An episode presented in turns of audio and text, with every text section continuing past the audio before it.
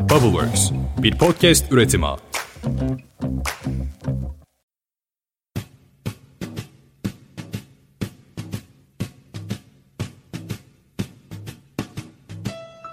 Fly me to the moon.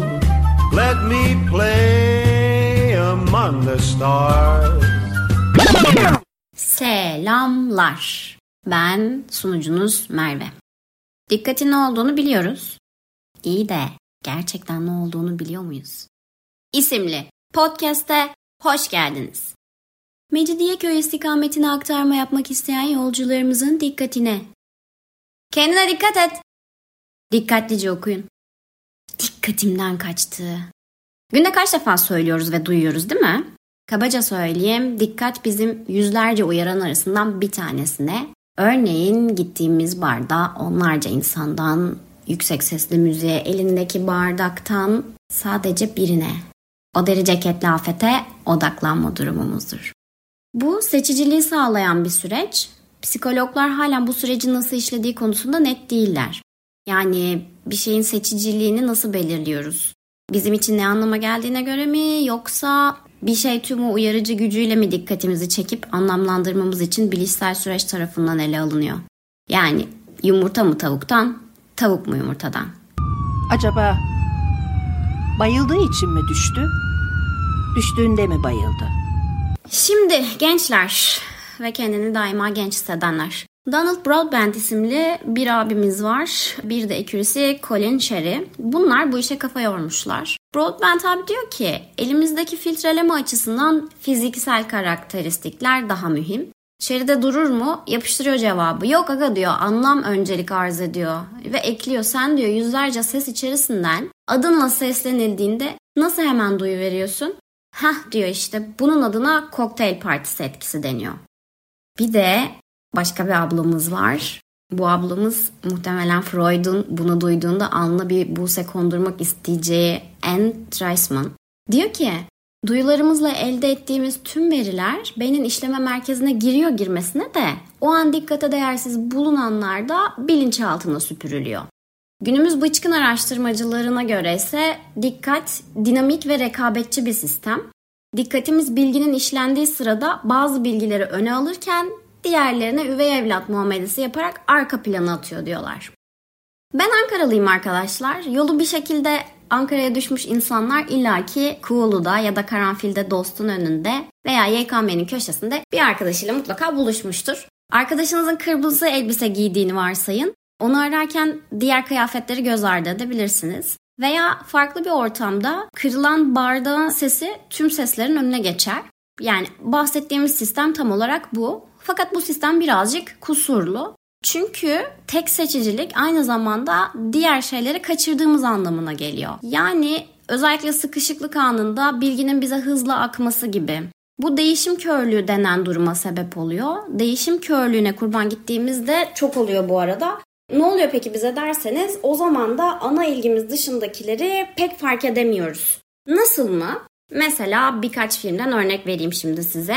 Fransa kraliçesi Marie Antoinette'in kraliçe olmasını anlatan filmde hanımefendi ayakkabılarını değiştirirken bir anda konversler olduğunu görüyoruz 18. yüzyılda. Ya da Gandalf'ın Orta Dünya'nın göbeğinde kol saatiyle böyle salındığını. Ya da başka bir örnek daha vereyim. Harry Potter'ın gözlerini aynı anasından aldığını seri boyunca bize söylediler. Ama 6. filmde annesinin çocukluğunu görüyoruz. Bir bakıyoruz kahverengi gözlü. E hadi şeklini almış desek kitapta da ikisi de yeşil gözlü yani. Dikkatimiz belli bir noktadayken bu kadar belirgin hadiseleri bile fark ettirmiyor bize. Biraz daha ileriye götürelim. 2016'da Avustralya'da hükümet trafiğin işlek olduğu yerlerde canının kıymeti yokmuş gibi kendini ortalığa atan yayalar için yer düzeyine trafik ışığı koyacağını söylemiş. Çünkü maalesef insanlar yanlarından vızır vızır geçen arabalara ne bileyim motor gürültülerine ya da devasa işaretlere dikkat vermeyip yola atlıyorlar. Kötü be. Şimdi telefon olayına dönmek istiyorum biraz da. Ben böyle içine bir dilim pasta yerleştirilmiş bir kapan olarak görüyorum bu durumu. Telefonun sıkıntısı bütün dikkat çekici şeyleri bir araya getirip böyle bize süslü bir pakete yerleştirip Üzerine de böyle bazı bağımlılık yaratan kimyasallara sırf eğlence olsun diye bize itelemeleri. Bir, yeni mesajınız var. İşte geçen hafta sonu tatilinin videosu. Şimdi bu duygusal uyaranlar çok çekici değil mi? Bir de bunun üstüne dış kaynaklı bazı hedeflerimiz oluyor. Onlar da neler? Bana mesaj attı mı? Hikayeme kimler baktı? Mail geldi mi? Fotoğrafıma kaç like geldi? Dikkatimiz buralardayken de birçok şeyi kaçırdığımızın farkındayız bence. Ömrünüz boyunca bir kere bile olsa gecesinde sevgilinizle kavga ettiğiniz sabah dersi ya da toplantıyı can kulağıyla dinlememiş gibi yapamazsınız şu an. Doğru mu kurdum cümleyi bilmiyorum ama anladınız. Ya da diyelim ki keyifli bir günde istediğiniz mesajı aldınız. Gelen mesaja cevap vermek ya da o mesajdaki komik videoyu seyretmek bize ufak bir başarı karşılığında ana ödül kimyasalı olan dopaminden bir şat attırıyor. Üstüne üstlük bir de sosyal açıdan böyle insanlarla etkileşim halinde olmanın dayanılmaz hafifliğini düşünmeye başladıysak oh şatlar havada uçuşuyor demektir. Telefonlarda bir de şöyle bir cazibe var. Size böyle biraz önceki gibi garantili değil de rastgele ödüller sunuyor. Yani hiç beklemediğiniz anda bir şat daha gelmiş oluyor işletmeden. Davranış biliminin babası Skinner hiçbir şey düzensiz verilen bir ödül kadar dayanılmaz değildir der ve aha da ispatı diyerek hayvanları düğmeye bastıkları her seferinde yiyecek verilen bir kutuya koyuyor. İlk başta hayvanlar düğmeye bastıkları her seferde yiyecek veriliyor ve doyduklarında da düğmeye basmayı bırakıyorlar. Yiyecek uzun süre verilmediğinde de yine düğmeye basmıyorlar. Ancak yemek düğmeye her basıldığında değil de rastgele verildiği zaman hayvanlar çıldırmış gibi devamlı olarak düğmeye basmaya başlıyorlar. Mesaj var mı? Evet. Mesaj var mı? Hayır. Mesaj var mı? Ha? Hayır. Mesaj var mı? Mesaj var mı? Var mı? Bu bir sorun değil mi? Evet maalesef. Hatta bu durum içinde birden fazla sorunu barındırıyor. Şöyle ki ilk olarak aynı anda birkaç işi bir arada verimli şekilde yapabileceğimiz yanılgısını bize yüklüyor. Yürürken sakız çiğneyebilenler de bu gruba dahil. Yürürken sakız çiğneyemiyorum. Niye yapamıyorum? Nasıl desem bir söz var. Sevgilisini öperken kaza yapmadan araba kullanan kişi öpüşmeye hak ettiği değeri vermez. Kıps. Şimdi psikolog Glenn Wilson o kadar ciddi bir araştırma yapıyor ki arkadaşlar. Sonunda bulduğu şeye hayret edeceksiniz. Aynı anda çok iş görmenin, örneğin okuyacak bir mailiniz olduğunda elinizdeki işe konsantre olmaya çalışmanın getirdiği bilişsel kayıp esrar içen birinin maruz kaldığından daha fazla. Bunu bulmuş. Nasıl ama? Az önce bahsettiğimiz korkunç hayvan deneyinin benzerini farelerde uygulamış. Yine ortada bir düğme var. Bu sefer hayvanlar düğmeye bastıklarında dopamin etkisi yaratan nucleus accumbens doğru mu okuyorum bilmiyorum Google'dan baktım. O bölgeye elektrik sinyali gönderiyor.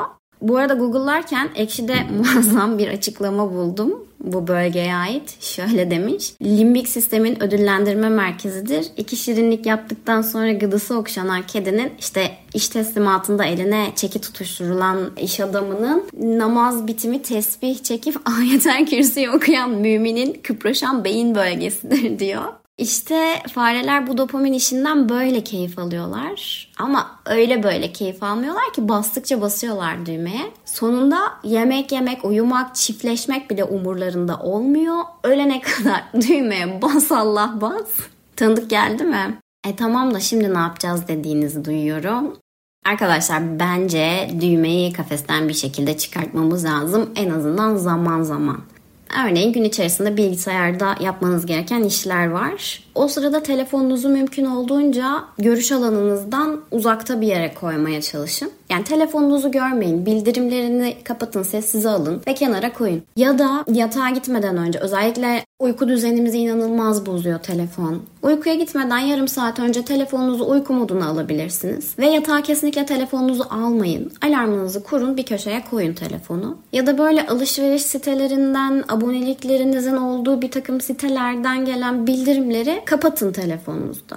Bu tarz basit önlemler bence biraz işe yarayacaktır. Bu arada uzmanların dediğine göre şu anda dinlediğiniz programı Apple Podcast ve Spotify'dan takibi almak. Ayrıca Instagram'da da Podcast Pandora'nın kutusunu takibi alıp bildirimlerini açmak ise oldukça faydalıymış. Bizden söylemesi. Görüşmek üzere. In other words, please